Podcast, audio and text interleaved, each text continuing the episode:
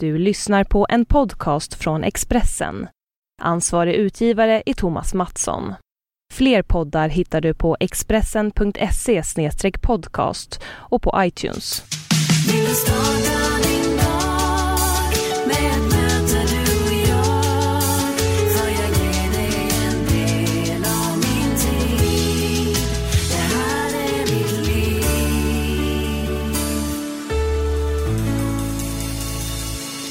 Vi har kommit fram till avsnitt 144 av Livshjulet och jag som programledare heter Anna Hegerstrand. I den här podcasten träffar jag som bekant kända profiler som får dela med sig av sina livshjul och hur de får ihop den här komplicerade ekvationen som vi kallar livet. Och lyssnar gör du alltid enklast på iTunes eller Acast. Men varje vecka när ett nytt avsnitt släpps så pushar Expressen på sin nöjessida. Och där i artikeln finns en spelare där du kan höra avsnittet. Följer du mig på Instagram där jag smidigt nog heter Anna Hegerstrand så lovar jag att du inte missar några avsnitt. På lördag drar Melodifestivalkarusellen igång och jag har naturligtvis sett till att bjuda in några av de tävlande artisterna i olika delfinaler. Först ut att hälsa på här i poddstudion det är Pernilla Andersson som tävlar i första delfinalen nu på lördag med bidraget Mitt guld. Och här är Pernillas livshjul, varsågod. Välkommen hit Pernilla. Tack så mycket. Hur är det med dig idag? Jag mår bra. Jag har skyndat och eh, sprungit hit för jag hade glömt bort att jag skulle komma till dig. Alltså, Men det gick bra. Jag eh, gjorde nog en jätteuppsamling på en kvart och sen så lyckades jag ta mig hit. ja du ser flawless ut. Ja men det är smink, tack. jag, jag har bara blästrat överallt. Ja men eller hur, bara dammat över lite. Precis. Men det är fredag i alla fall och Mm. det är fredagen en och två veckor innan Mello och din delfinal. Ja. Mm. Är det det som gör att tankarna fladdrar iväg lite? Och... ja det är det och det är för mig också första gången som jag gör den här stora karusellen och har barn samtidigt. För att det har jag aldrig haft innan utan då har jag bara kunnat liksom totalt, eller nu tappar jag ju bort mig idag också då eftersom jag satt i pyjamas för en kvart sedan. Men det är lite sådär när man har barn att man måste ändå liksom, man kan inte bara förlora sig helt utan det ska lämnas på dagis och hämtas och man ska vara en bra morsa och leka och laga mat. Och, så på sätt och vis så är det en helt annan grej för mig denna gången än vad det var första. Men det är klart att det är det som tar upp mycket liksom. Allt som ska fixas, gitarrer och klänningar och sånt där. Jag vet när jag träffade dig på presskonferensen för Melodifestivalen så sa du det att du var så otroligt tacksam att du får vara med i det här sammanhanget och att du nog var världens sämsta tävlingsmänniska för att Ja. du tycker att alla andra är så bra. Ja. ja, alltså man, man får väl på något vis, naturligtvis, jag är jättetacksam, alltså jag är tacksam att folk kommer till mina konserter fortfarande. Jag känner mig liksom, eh, det är en ynnest att jag kan jobba med det som jag vill och att jag kan bo där jag vill och ofta slår det mig att jag är, jag är väldigt tacksam. Och samtidigt så tycker jag såklart att jag har någonting att ge också. Så jag vill ju inte lägga mig som en sån jätte-underdog. Men jag tycker att folk som är med i Melodifestivalen som jag känner är skitbra också. Och jag är dålig på jag är dålig på att tävla i musik liksom. Så att jag har sagt till mina musiker och vi ska ha en middag hos mig på måndag där vi ska liksom så här träffas i något annat sammanhang än precis i en arena en sekund innan och då har jag sagt att vi ska till Peace and Love och spela eh, en festival. Så ser vi på det här. Vi, ska, vi är på en festival och vi ska ha skitkul och vi spelar musik. Eh, För att det mentalt för mig är mycket bättre än att jag bara ska tagga upp någon slags, nu ska du vinna med en ballad och du ska minsann och sen och då, då skiter jag på mig liksom. Får man säga det? Ja, det får man. Det går inte. Så att för mig är det så här tacksam men också för min egen mentala liksom, hälsas skull så vill inte jag gå in i det där att jag måste vinna. Jag tror, jag tror dessvärre att vi kommer åka ut på skärten direkt alltså för att det är så himla långsam låt och den är liksom så inte mello. Och det gör också att det är tacksamt att få vara med där med en sån typ av låt.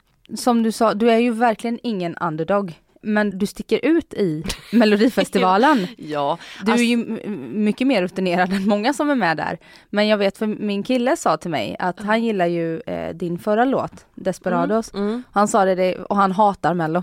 Det är liksom, han tycker su- superdåligt allt liksom. Och han sa det, det här är så bra och det är så icke-mello liksom. Ja men det, det, det är väl lite jag är ju i en annan värld men därför är man ju också extra tacksam därför att jag vill ju som låtskrivare att din kille ska tycka att min låt är bra och jag vill att de som tittar på mello ska tycka min låt. Jag vet alla, det är någon slags grej som man har som artist att det är den där fåfängan att alla ska tycka att det man gör är bra och så vill man inte ta ett steg ifrån det och bli liksom någon annan eller eh, kompromissa för mycket så att, så att det tacksamheten handlar mycket om att vad kul att jag kan, för den här låten har ju gått genom en jury som har då tyckt att den här kan vara med. Och det är ju jäkligt tacksamt när man då känner så, att, att man inte riktigt passar in men man får vara med ändå på något sätt. Det är min story of my life. inte riktigt passa in men jag får vara med ändå. Ja men eller hur. Ja. När jag läser på om dig så märker jag att du som sagt vägrar göra avkall på dig själv eh, musikaliskt för att, För att passa gö- in. ja, för att passa in. Men ändå så vill du att alla ska bli nöjda. Hur hänger det Nej ihop? men det går ju inte, det är ju artistens ständiga, alltså det går ju inte att göra alla nöjda. Alltså, och jag tror att jag vägrar göra avkall på mig själv därför att jag har varit med så länge. Min första skiva släpptes ju liksom för 17-18 år sedan. Eh, Och jag har sett jättemånga komma och debutera och stanna kvar och vissa har försvunnit. Och du vinner ingenting i längden på att liksom eh, göra avkall på dig själv. Du kan vinna kortsiktigt på det men jag tror att människor som lyssnar på musik är så ärliga i sitt lyssnande så att de känner om det inte är något som är på riktigt. Liksom. De, oavsett vilken musik, om du håller på med med det som Alcazar gör eller om du håller på med det som jag gör så gör man det med hela sitt hjärta liksom och deras publik känner det. Eh, och jag tror att alltså folk, musik är en grej som ska upplevas väldigt, väldigt, väldigt ärligt liksom. Och sen så kan du komma och gå några år att man är jätteute eller man, jag kommer ju aldrig hamna på omslaget på Sonic liksom för att jag är inte den nya balla fräna, liksom, jag gör det jag gör och det försöker jag göra med så mycket kvalitet och utmana mig själv så mycket så att jag känner att det här är liksom det mesta jag kan ge, det här är det här är det bästa jag kan. Varje gång försöker jag tänka så. Eh, och sen så får jag vara nöjd med det och så får de andra tycka vad de vill. Det är helt omöjligt, det är som när nu pratar jag väldigt mycket, men det är som när man gick i skolan på högstadiet och den här, man pratar om skolans snyggaste tjej. Jag fattar så tidigt att alla tycker ju olika om det. Skönhet är ju liksom så jätte, det är så subjekt, subjektivt liksom. Vissa tycker om rödhåriga människor, andra tycker om singer-songwriter, andra gillar Avicii. Det är liksom, man kan aldrig vinna hela den grejen. Men man vill ju ändå försöka att alla ska tycka om men det är liksom, det är precis samma sak tycker jag på något sätt. Mm. Fast på, på sina egna premisser då så att man inte försöker bli omtyckt till vilket pris som helst och sp- spela vilken låt som helst och inte ha någon, man måste vara grundad i det man gör tror jag. Mm. Har det varit eh, jobbigt för dig att eh, förlika dig med den tanken att Nej, jag tror inte det. Jag tror att eh, min uppväxt då i en jazzmusikerfamilj har varit väldigt eh, speciell på många sätt men det som har varit väldigt bra med den har varit just det här med integritet och stå på sig. Att mina föräldrar har varit så här, du ska inte göra saker som du inte vill och du måste känna att du har hjärtat med dig annars så kan det bli tråkigt och och sådär. Så att för mig har det alltid, det är klart att det har varit kämpigt. Det är ju, jag breakade ju, om man kan säga det på engelska, kanske inte man ska säga det på, men jag slog ju igenom så här på min åttonde skiva. Så att det är ju helt tvärt emot hur det är idag, att folk är med i Idol och sen blir kända. Jag höll ju på liksom i många, många år och fick också slipa och jag, fick, jag har fått chansen att göra det i många plattor. Och jag har gjort tv som har varit så här, åh vad dåligt det var. Jag har skämts ihjäl när jag sett det efteråt för att jag var så ung och jag visste inte hur jag skulle hålla micken. Och jag har fått den chansen att bränna, det kan man inte göra idag på samma sätt för då fanns inte Youtube och då fanns inte Idol och då fanns inte de här snabba att någon ska rösta på. Då kunde man faktiskt åka som jag gjorde en gång för många, många år sedan till Nyhetsmorgon och sjunga bort sig fullständigt och bara åka därifrån och veta att nästa skiva får jag komma tillbaka. Det är liksom, och det fanns inga medier där folk kunde skriva vad dåligt hon sjöng eller hon höll micken fel. Alla har ju en startsträcka på någonting liksom. Så att eh, det är klart att jag väldigt ofta i min yngre period av liv har tänkt att fan att det aldrig riktigt lossnar helt. Varför inte jag liksom den och den och varför kan inte jag sälja trippelplatina och varför säljer inte jag ut Globen och sådär. Men jag har samtidigt kunnat turnera i alla år så att nu det är också lätt att säga, nu är jag ju tacksam för det. Men det är klart att jag har varit frustrerad många gånger. Men då gäller det ju som som en riktig sportman på det viset att inte tappa målet, inte tappa synen. Målet är där borta, jag ska dit och alla andra kanske går dit före mig men jag, jag är på väg liksom. Jag känner det fortfarande att jag liksom, jag skejtar på där i min, i min fåra liksom. Mm. Trivs du där du är nu rent musikaliskt? Ja, där trivs jag. Och jag trivs med att jag har blivit äldre så att folk fattar att jag är bra på det jag håller på med och att jag, jag har så mycket erfarenhet och jag är inte rädd längre för att jag är inte lika rädd för den här melodifestivalen som jag var för fem år sedan. Då var jag också rädd. Och då var jag ändå 35 så då känner jag att Är det fem år sedan du var med sist? ja det är fem år sedan. Oj, det är Ja, det är ett tag sedan ja. Precis. Så att jag kan inte vara med om jag inte har rätt låt känner jag själv. Det måste kännas som att den här kan jag, alla låtar man skriver är ju inte en låt som man vill stå i Melodifestivalen med. Men eh, Desperados var en sån låt och Mitt guld är en sån låt. Och då har det ändå kommit skivor emellan de här så att man man ska Jag är väldigt försiktig med vad jag gör. Men när jag väl tackar ja till det så gör jag det fullt ut. Även om jag är förvirrad och inte minns att jag ska gå hit så försöker jag i alla fall göra saker. Det finns ju inget värre än att backa och göra saker halvhjärtat och bara jag vill inte göra det. Och... Nej. Och känna efter att man inte har gett allt och försökt. Ja men precis. Och då, då spelar liksom inte placeringar heller någon större... Jag tycker det här känns ungefär...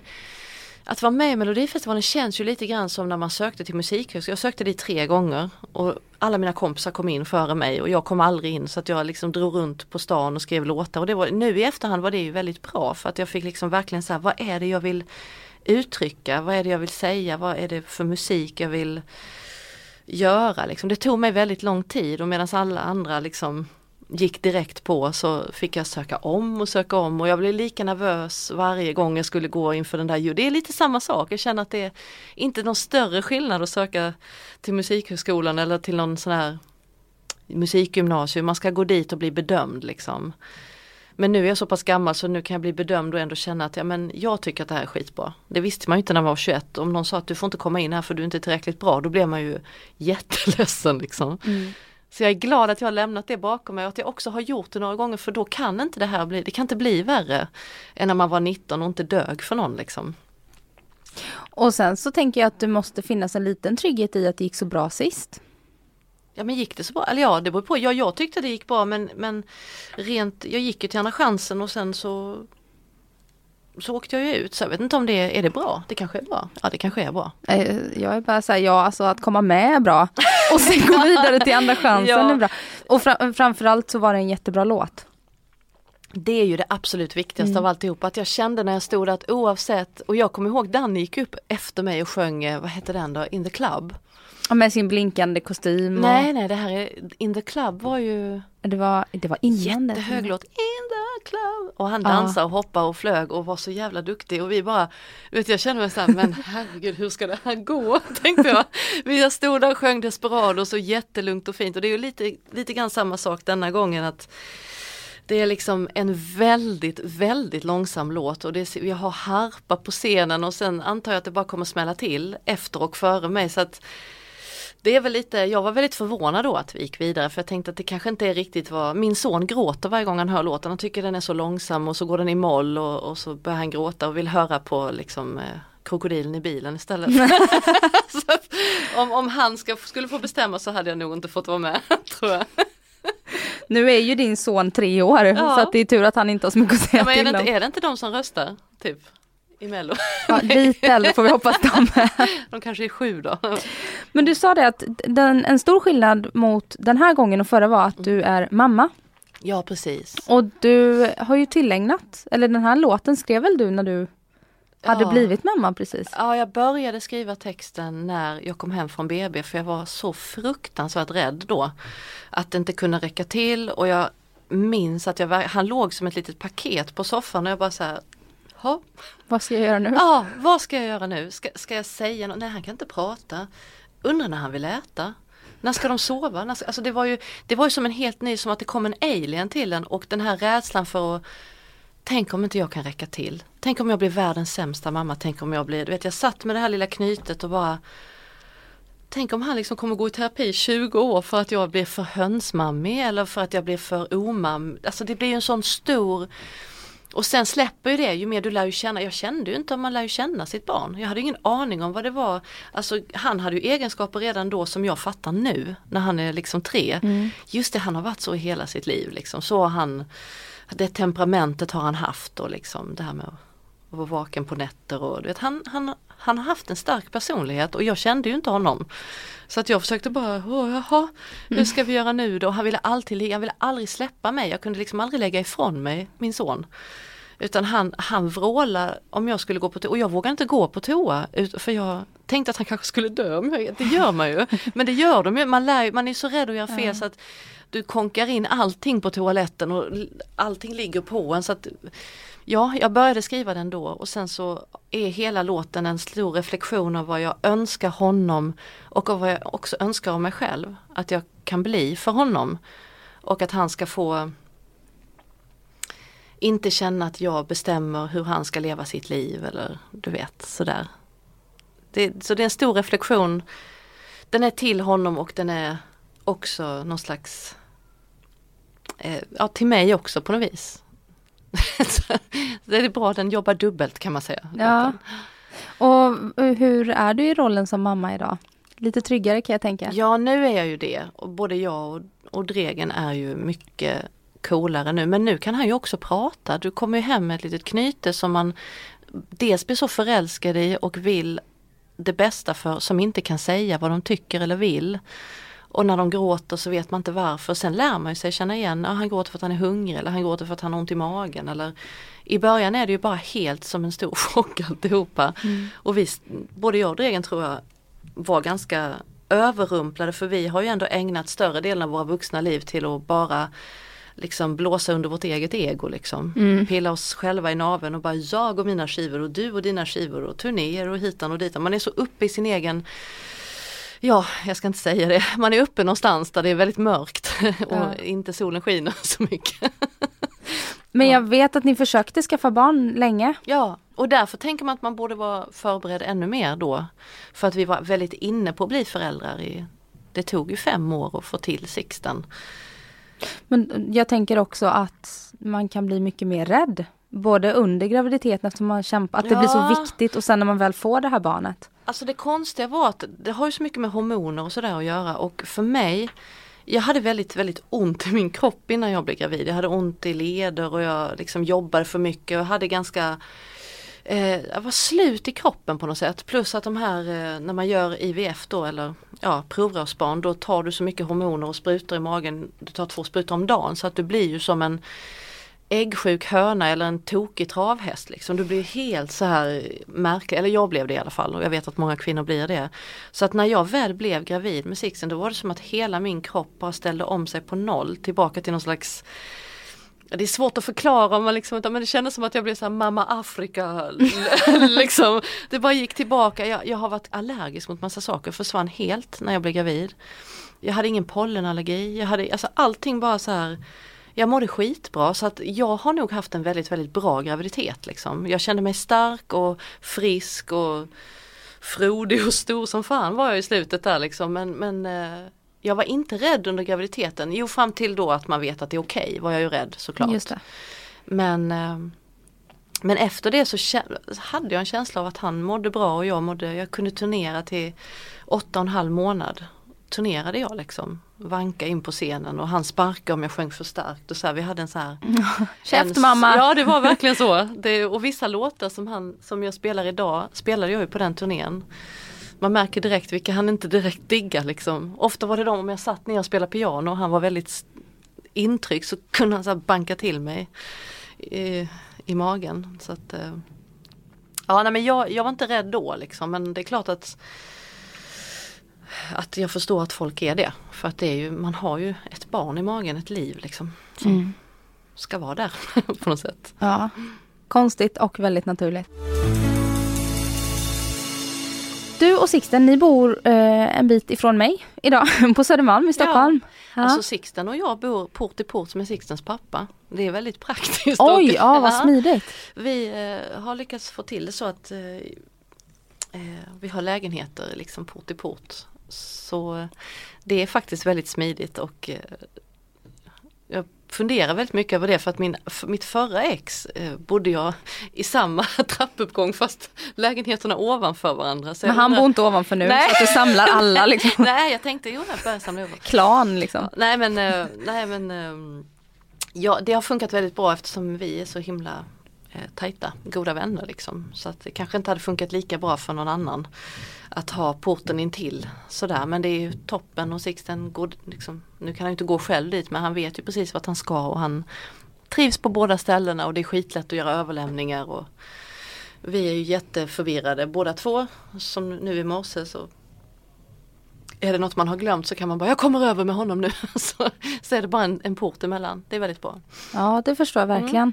Eh, Delar ni upp det så ni har 50-50 då eller ni behöver inte ens någon sån? Alltså det går inte riktigt att göra det när man jobbar som vi gör utan liksom nu, nu råkar ju hans eh, Skandinavien-turné infalla sig precis i mello så då blir det ju, Oj. då blir det lite så här, men kunde inte du ha bokat din jävla turné någon annan gång? Och Mitt kan- jobb är viktigare. Ja men så är det ju, jag tycker ju det och han tycker det och samtidigt så är ju Sixten absolut viktiga så att då, vi får verkligen så här, eh, det är nästan som att sitta på en, ett firmamöte bara, ja, när tänker du jobba? Jag måste ju jobba också. Och, Eh, Men det funkar, det, det, det blir ganska naturligt så när man är borta att jag har honom då och sen så får han liksom nästan bestämma lite, han pratar ju nu, vill, var han vill sova så kan han ju gå dit och sova liksom.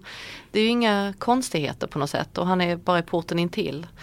Så att vi har ganska bra lösning med det och nu jag är bara livrädd för att han ska få någon så här kräksjuka eller bli sjuk inför Mello. Då rasar ju hela min värld. För jag vet att hela den veckan är ju eller nu har jag lyckats få Dregen att vara hemma fram till torsdagen då innan jag ska åka och, och sådär. Men han är ju på turné då så att mardrömmen skulle ju vara att han blir jättesjuk när jag står i Skandinavium och han är i Åre och spelar. Och även om man har jättebra farmor och farfar eller liksom barnvakt så är ju det Det är ju det man någonstans i bakhuvudet bara det får inte hända. Det är det enda som skulle kunna göra att man bara, jag skiter i det här hörni. Ellen du får sjunga mitt guld, jag får skicka upp promotjejen och sjunga så åker man hem. Ja, det, jag tänker att det inte är jättepoppis att skicka en magsjuk unge till farmor och farfar eller mormor och morfar. Nej, alltså vi gör ju ofta så här med Sixten att, att i och med att vi bor så bra så, så får de komma dit vi är Mm. och vara där han liksom, du vet han går till dagis och sen så trivs han där. Eller förskola heter det, jag blir ju sj- sj- själv från alla fröknarna. Nu kommer arga mejl här.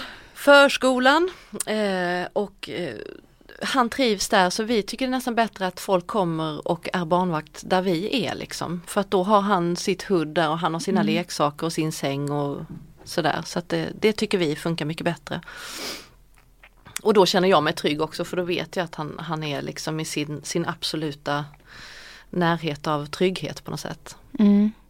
Vad skönt, tänker jag, för det värsta med att separera från sitt barns pappa är väl nästan att man inte får träffa sitt barn. Ja, får nej. hela liksom 100 procent.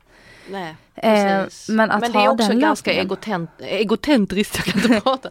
Det är ju ganska egocentriskt att tänka så kan jag också tycka därför att det är klart att folk kanske bråkar mycket eh, men man måste nog i en separation måste man ändå liksom bortse från sig själv och eh, pappan eller mamman som ett romantiskt par. Man måste tänka vi är pappa och mamma till det här barnet och vi har vissa skyldigheter.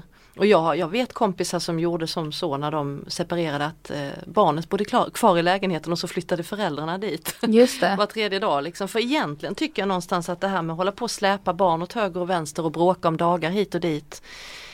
Det är inte schysst liksom utan i- det är ju ändå ett barn som har kommit till som man har satt till världen och de har aldrig be- bett om att få komma. Och de har inte bett om någon skilsmässa så att där tycker jag att eh, liksom, Dregen och jag kan vara oense på många plan men om Sixten har vi fan aldrig varit oense liksom.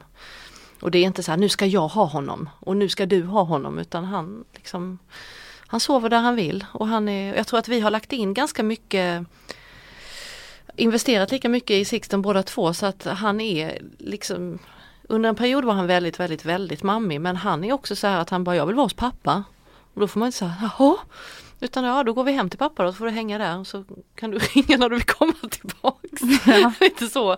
Ehm, för att jag, ja, jag tror att man, alltså vuxna, jag har så mycket åsikter om det här med vuxna som skiljer sig så att jag skulle kunna prata i tre timmar. Jag tycker att det görs väldigt konstigt och barnen ofta får sitta i kläm och höra konstiga bråk och saker som de absolut inte ska höra. Kommer det ifrån, för jag vet att dina föräldrar skilde sig. Mm, de skiljer sig jättedåligt. Ja, de gjorde det. Det kan vara tidernas sämsta skilsmässa. De gick in i varsin liksom, men de är också artister så därför har det varit väldigt viktigt för eh, Även Dregens föräldrar skilde sig så det, jag tror vi har varit väldigt noga med det i detta att liksom Att vi inte skulle bli Eh, eller ja, jag kan inte tala för honom utan jag talar för mina egna föräldrar. Jag ville absolut inte skiljas som mina föräldrar skilde sig. När de gick in i någon slags egocentrisk eh, skilsmässopsykos att de, liksom, de delade på allting ner till, ja då ska jag ha Anders, ja då tänker jag ta Pernilla. Alltså det, vi separerades ju från varandra jag och min bror. Det gör man ju inte nu när man, vi reflekterar ju inte över det då, det här var liksom 88, 89. Men jag, och när jag pratar, men nu är min pappa väldigt, väldigt sjuk i Alzheimer så han kan ju inte säga något om det för då hade han åkt på en propp antagligen. Men, ehm, men, men han kan inte ta den diskussionen och när jag pratar med min mamma så så finns det liksom, ja jag vet inte hur det gick till egentligen. Alltså det finns ingen så här att de har tänkt igenom det än idag liksom. Utan det är så här 40-talisterna, de har bara så blev det och det var ju tråkigt. Jag bara, men tyckte inte ni att det var märkligt att skilja på två syskon som liksom ändå ska ha varandra? Vi tappade kontakten i flera år, jag och min bror. Liksom. Så att eh, jag är väldigt noga med att vad som än ligger mellan mig och Dregen som gör att vi skiljer oss har inte med Sixten att göra. Och han ska aldrig behöva utsättas för Alltså det blir ju trauma för barn när föräldrar står och skriker på varandra. Naturligtvis måste man kunna bråka och diskutera, det måste ju alla. Det finns väl inget som är så konstigt som en så här lossad perfekt miljö. Liksom. Det känner ju barn av också. Ja jättemycket. Alltså det, jag menar absolut inte att man ska stå och le Lägga och locket nej, på? lägga locket på. Det tror jag inte. Men jag tror att liksom det allra mest privata som handlar om en relation mellan två vuxna är ingenting som en treåring egentligen har någon som helst nytta av att höra. Liksom. Kan jag tycka. Så att eh, Ja, nej men eh, ja. Jag vet inte. Ha, vad har du och din bror för relation idag? Vi är väldigt tajta nu. Eh, men vi har ju lärt känna varandra lite på äldre dagar så att vi eh, Han har varit med mig på turné och som gitarrtekniker och eh, han är musiker själv så att eh, vi har Vi har en bra relation nu och lär känna varandra och det blir bättre, han har också fått en son. Eh, så att eh, på något sätt så läkte våra barn har läkt lite grann att man liksom har fått ihop familjen och lite grann och jag kan se förbi de där grejerna man själv hade med sina föräldrar. Eh, försvinner lite grann när man får barn själv. Man blir liksom mer förlåtande och mer eh, inkluderande. Även ifall inte folk är perfekta och de har gjort sina misstag och, och sådär så försöker vi nog ändå att göra det bästa av situationen. För att vi ändå är släkt allihopa på något sätt. Det säger ju många av mina vänner som har barn att eh, relationen till deras föräldrar blir mycket bättre. Ja. För att då blir det inte deras relation i fokus utan Nej, det blir barnet i fokus. Precis. Men där tror jag man måste, man måste ha klippt navelsträngen med sina egna föräldrar och man måste vara en vuxen individ. För det kommer jag ihåg med min mamma att jag hade en riktig liksom, jag älskar henne, hon är en fantastisk, eh, vad säger man, omtänksam och underbar kvinna liksom. Men hon blev så jävla omtänksam när jag fick barn så att hon började liksom så här, hur mycket ska du ha, nu ammar du för mycket, nu ammar du för lite. Till slut så fick jag ju bara så här, till slut så bara, vet du vad, skit du i hur jag gör och jag skiter i hur du gjorde och att liksom det här med samsovning och ni fick faktiskt skrika i en kvart. Du vet, det finns ju massa grejer som händer när man får barn som de gjorde annorlunda på 70-talet eftersom de var så extremt dåligt utbildade i anhör, eller vad heter det, eh, vad heter det? Föräldraskap. Ja, för, ja, inte föräldraskap men de, just när det gäller anknytningsteori Aha, mm. fanns ju inte riktigt på den att man knyter an och eh, det som jag tror på mycket skin to skin, att man håller barnet nära sig. Det fanns ju liksom inte på 70-talet utan då, då var det bara bra för lungorna att barnen skrek tills de somnade liksom. Eh, Så att vi har ju haft mycket diskussioner i början men då hade vi en period, eller en, en dag minns jag när jag bara sa antingen så åker du hem nu till Skåne eller så håller du käften. och det var väldigt bra och jag tror att man måste ha, det måste man nog ha dealat med med sina föräldrar innan. Eh, både killar och tjejer och framförallt killar borde ha släppt navelsträngen med sin mamma så att de liksom inte tycker att det är okej att mamma kommer dit och tvättar och plötsligt dyker upp och liksom så här gjorde vi när när Hjalmar var liten och då ska vi göra så nu. Så jag tror att det är jävligt viktigt att dela med de grejerna innan. Och där känner jag att, eh, att, eh, att det var väldigt nyttigt så här i början när man fick ett barn och bara sätta ner foten. Och det blev mycket, mycket bättre efter det också. Så att nu klaga, nu aktar sig mamma för att klaga på att Sixten sover Ja. med oss. Hon kanske litar på att du känner ditt barn bäst. Ja men det gör jag tror att det var, det är ju väldigt mycket missriktad omtanke. Det är det man får inte glömma men sen glömmer ju de bort hur det är att inte sova på tre år liksom. Ja. Det, det är ju, det försvinner, det känner jag nu, sover Sixten bättre än i tre år, han har fortfarande inte sovit en natt men jag har ju till och med glömt själv hur det var när det var som värst, att man var liksom fullständigt liksom jag hade kunnat köra in en stridsvagn, jag hade inte märkt det, så trött var man ju liksom. Så att ta diskussioner om att man är en dålig mamma när man är helt slut och färdig som person eller att man gör fel, det är inte världens bästa timing liksom. Att, eh, Man får vänta några år tills ungen Ja. har börjat sova. ja, det tycker jag. Annars, vad tycker du om att bo själv? Jag tycker om det väldigt mycket att bo själv. Men det, alltså vi har ju alltid gjort det lite grann även om vi har bott ihop, jag och Dregen kan man säga, när vi var tillsammans. Därför att vi hade ju ett hus ute i skärgården och vi har jobbat väldigt mycket under våra 11 år tillsammans. Så att det har ju varit väldigt mycket att han är borta en månad där och då har jag suttit hemma och Jag har ju bott själv egentligen sedan jag var 16 år. Ehm, så för mig, så jag tycker det är lite problematiskt med samboende tvåsamhet liksom att man, att man egentligen om man ska göra det så måste man verkligen ta varandras skit på något sätt. Man är ju som man är och i perioder när man till exempel nu som i slutet på min skiva här när jag är helt kaotisk då blir jag otroligt pedant hemma. Jag kan förstå att det måste vara en mardröm att bo ihop med mig då. Fast i studion ser det ut som alla lådor är utdragna, gitarrer ligger åt höger och vänster och det ligger papper och textlappar och jag liksom det är fullständigt kaos i studion men när jag kommer hem så måste det vara det kan inte ligga två dagar gammal disk och det kan inte, alltså jag, jag får panik på det och jag tror att ska man bo ihop med mig under en sån period så får man ha väldigt mycket samma känsla för att det ska se ut så eller ha väldigt mycket tålamod. Och sen då om de perioderna infinner sig olika hela tiden så är det ju Jag tycker att det är Jag tycker att det är jäkligt skönt att få rå om mig själv och min egen konstighet liksom. Ja, man har Att om jag vill, ja, vill jag dammsuga tre gånger på en dag så gör jag det utan att någon bara, men håller du på nu? Eller till exempel om det är tvärtom då att vill jag torka golven, vilket jag har en noja på när man har småbarn och det är välling och de kissar lite här och där. Så, då, alltså jag måste torka golven. Och sen är inte jag pedant, alltså jag är slarvpedant på något sätt så jag kan vara slarvig, det kan se ut som fan i en, ett skåp liksom. Det stör mig inte för där kan man stänga dörren. Det, alltså alla sådana små grejer när man är, och jag är 42 snart, eller 41, hur gammal är jag? 41. Ja, Jag är 41. 41 är du. Jag, vet liksom hur jag vill ha det, jag vet, eh, och så har jag småbarn och han kan stöka till, det räcker så för mig liksom.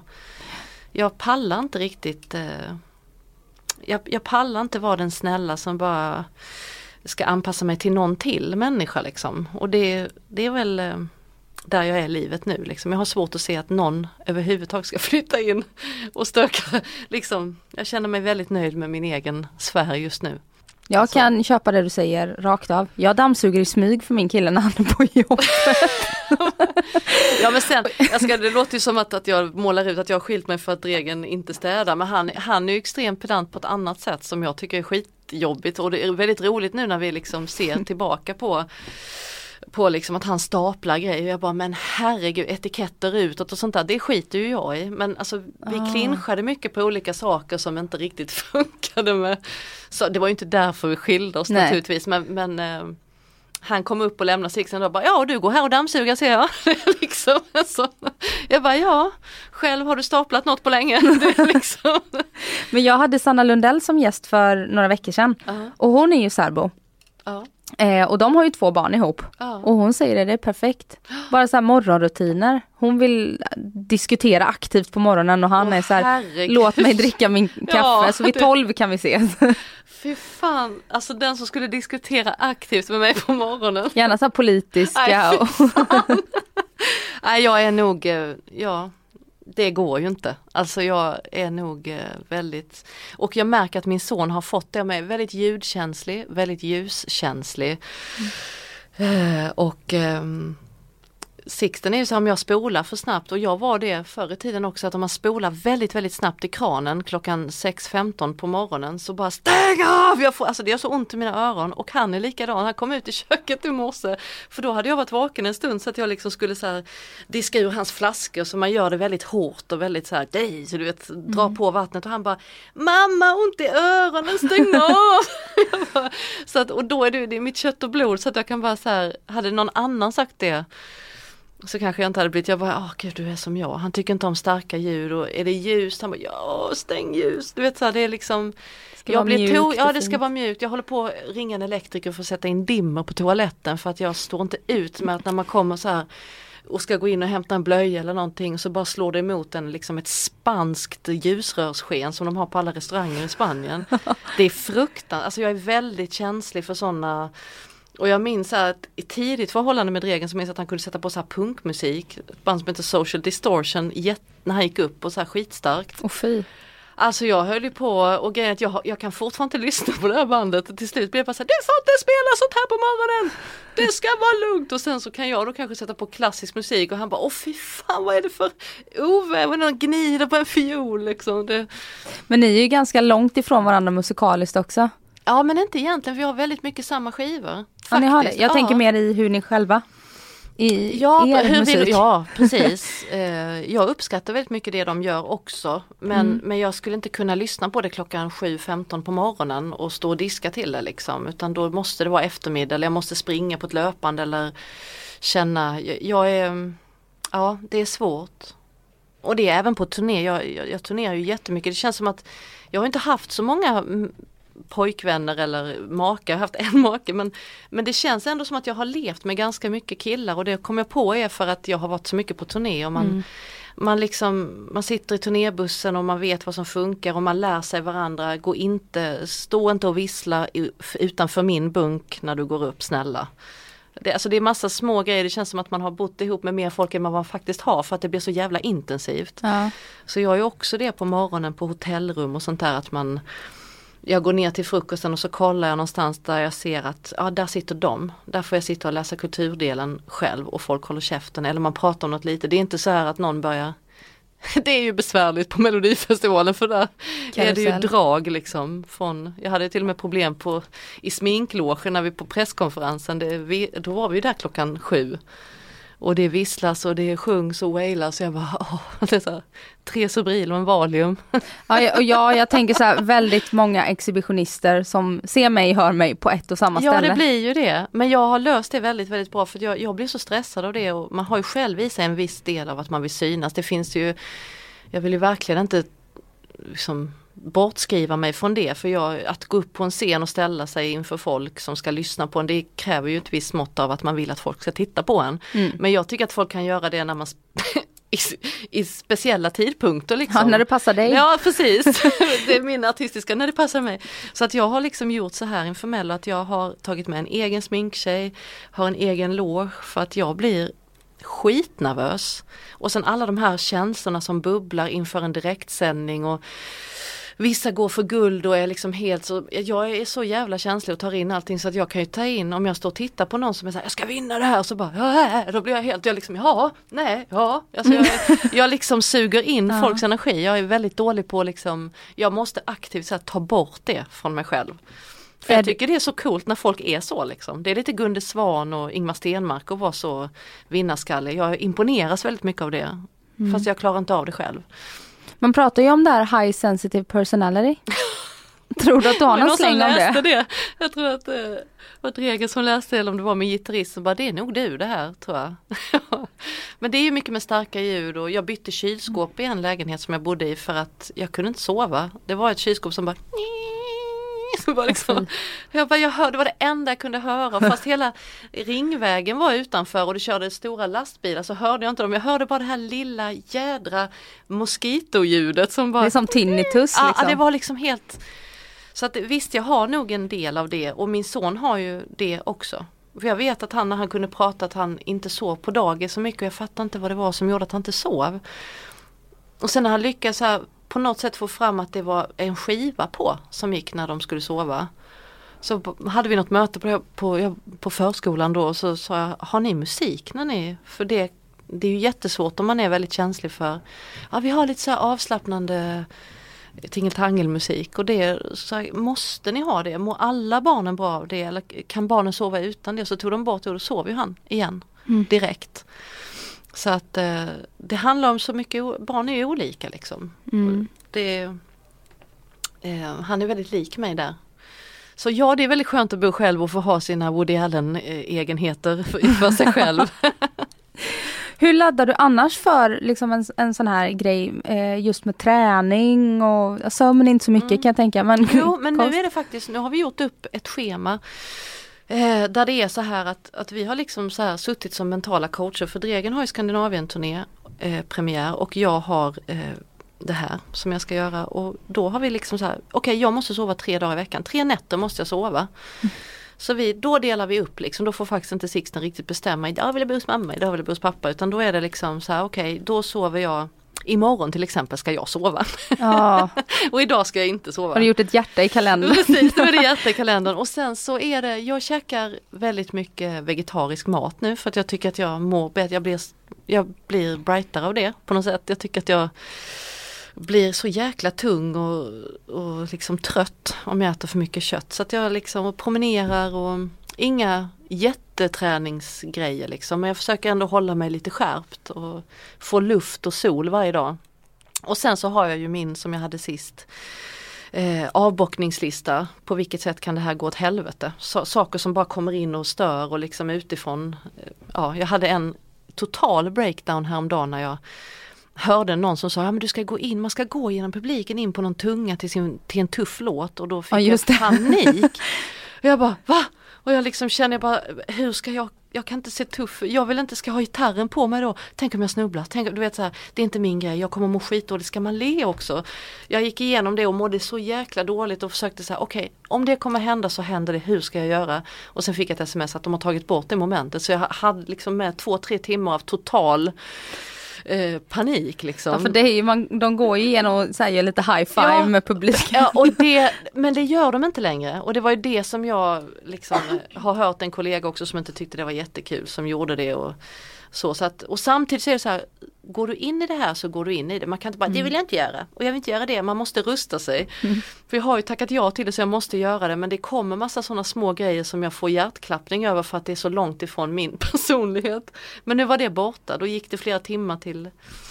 Och annars är det eh, har skorna och gitarren. Jag har fått med mig skorna hem som är höga så att jag vet hur det känns att stå med gitarren som är ganska tung. Och jag, alltså det är mycket förberedelser. Jag gör ju allting så att jag har suttit och letat upp ett trumset som jag vill ha som är i Ja det här är ju så, det här är väldigt analt nu men som är i den eh, stilen som jag vill framstå liksom. Ett gammalt jazz-trumset från 30-talet som Då sitter jag och håller på med det och sen ska det vara vad ska musikerna ha på sig och så skickar harpisten ska gå och prova klänning och det är liksom, det är en helhet, man är inne i hela hela eh, uppträdet på något sätt. Det är inte bara en sång utan jag vill verkligen att det ska gå igenom exakt en lugn och fin och vacker och eh, hur jag vill att det ska se ut i tv när ni ska titta på det eller i arenan.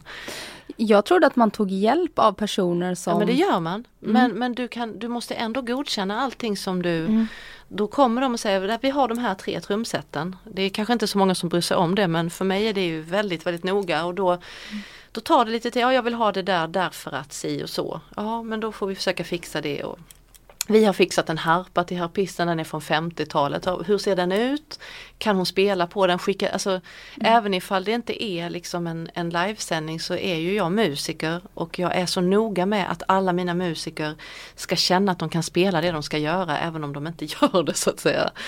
Ehm, så, så att det är mycket, man tar hjälp men, men i mitt fall så, så är det ju bara jag som vet exakt hur jag vill att det ska se ut. Mm. Så, så för mig så är det väldigt mycket tricks med det, hur det ska stå, hur jag ska stå. Och det, de har varit fantastiska, det är en fantastisk eh, vad ska man säga, kommitté att jobba med så att säga som lyssnar och alla gör sitt allra yttersta för att det ska bli precis som man vill ha det. Och hur... Och sen låten förstås sjunger jag ju varje dag. Ja, du gör det? Ja, det måste man ju. Ifall man blir jättenervös. Det, så, att man, så att det sitter liksom? Eller? Ja, jag tänker i och med att jag blir så himla nervös och kan, liksom inte är så van vid arenasammanhang. Och det kommer ju en, en mental påfrestning som inte handlar om någonting annat mer än att man blir väldigt, väldigt nervös. Så att jag försöker bara ha allting så, alltså jag vill inte att det ska falla på att jag börjar sjunga jättedåligt för att jag inte kan stå på skorna eller för att gitarren åker framåt eller för att jag inte riktigt kommer ihåg hur texten går eller jag vill kunna sätta mig upp i princip i koma på Karolinska och sjunga hela mitt guld utan att utan fel så Ja. att säga. Står du hemma då framför spegeln i dina klackar med Inte framför spegeln. pyjamas och gitarr och Ja, alltså nej men jag har faktiskt eh, jag har tagit hem delar av studion så att jag har tagit upp eh, mickar och eh, alltså du vet man har ju sådana här små ör in-ear där man har ljudet också. Ja. Så att jag har det också för att det skaver lite grann. Jag har massa grejer. Jag är som Woody Allen, du hör ju själv. Och du gillar på. att förbereda dig? Ja men jag måste det för jag blir så jävla nervös. Och jag tror att man måste omfamna det för att annars så blir den här karusellen för jobbig för mig. Om jag bara ska låta saker och ting komma så här till mig, då, jag kan ju bryta ihop liksom. Jag har inte tid med det. Jag kan, det gjorde jag alltid förr men nu är jag 42 så nu vet jag att den här går åt helvete, vad kan gå åt helvete? Jag bara så här, tänk om det är någon liksom person som jag inte men tänk om det är en programledare, som, jag visste inte ens vilken, vem som var programledare. Tänk om det är någon man inte tycker om och som inte tycker om mig, fast jag känner ju inga sådana. Men jag vet, man tänker, man vill veta allting som är runt omkring. Vem, välja egen sminktjej så det är någon som man tycker om, som man ska hänga med. Tisdag, onsdag, torsdag, fredag, lördag dygnet runt. Mm. Liksom, det är så, jag, jag är noga med det och jag vill och jag vill även att mina musiker ska känna att de är att det här är musiken då fast det handlar om en tävling också. Mm. Jag försöker avskärma mig från tävlingar, jag är jävligt dålig på Jag försöker vara bra på det som jag är bra på och för att vara så bra som jag kan vara så måste jag eliminera alla sådana gå åt helvete grejer som att trilla på skor eller få dålig energi av Det är väldigt mycket festligheter kring mello innan. Ja, Och, jag eh, menar, alltså, jag, är efter. ju- ja det är ju det, nästan det roligaste av alltihopa men jag, jag skulle ju inte Jag skulle inte gå ut dagen innan och bli dyngrak liksom. Nej. Det, det känner jag är inte min grej liksom. Nej. Men det är klart man är med men man man kanske inte står sist på bordet och dansar barfota dagen innan direktsändning och man kanske liksom, eller jag är jävligt disciplinerad. Eh, Men mina musiker får gärna göra det om de vill. Det är bara de har roligt och tycker att det är en skön grej och att vi spelar. Som sagt, vi kan ju låtsas att det är en festival. Eh, Så jo men det tycker jag är jättetrevligt och sen är jag ju sån skaldjursfan. Och jag har hört talas om att det ska vara skaldjur på festen så att jag, jag kommer stå längst fram. Du får fokusera på det då. Ja, jag gör det. Skaldjuren. Ja, det är de. Hur som helst har jag vunnit även om jag inte klarar mig vidare. Nej, det är ju väldigt få förunnat att få vara med om det som ni får vara med om. Ja och det är sån, sån eh, eh, anspänning också så att det är liksom nästan som att just nu känns det som att det räcker med en gång. Det skulle vara nervöst att tanka om igen till, fast det gör man ju om man måste såklart. Men det är ju Nu tar vi oss igenom första här bara så får man se hur det går. För det är nervöst. Och jag önskar dig ett stort lycka till. Tack så mycket. Och jättetack för att du kom hit och ville gästa mig. Ja men det, jag kommer gärna, det var kul att få komma hit. Ja, avsluta min fredag med ett trevligt samtal med dig Pernilla. Det var jättekul. Tack så mycket. Och ha det så bra nu. Detsamma. Hej! Hej.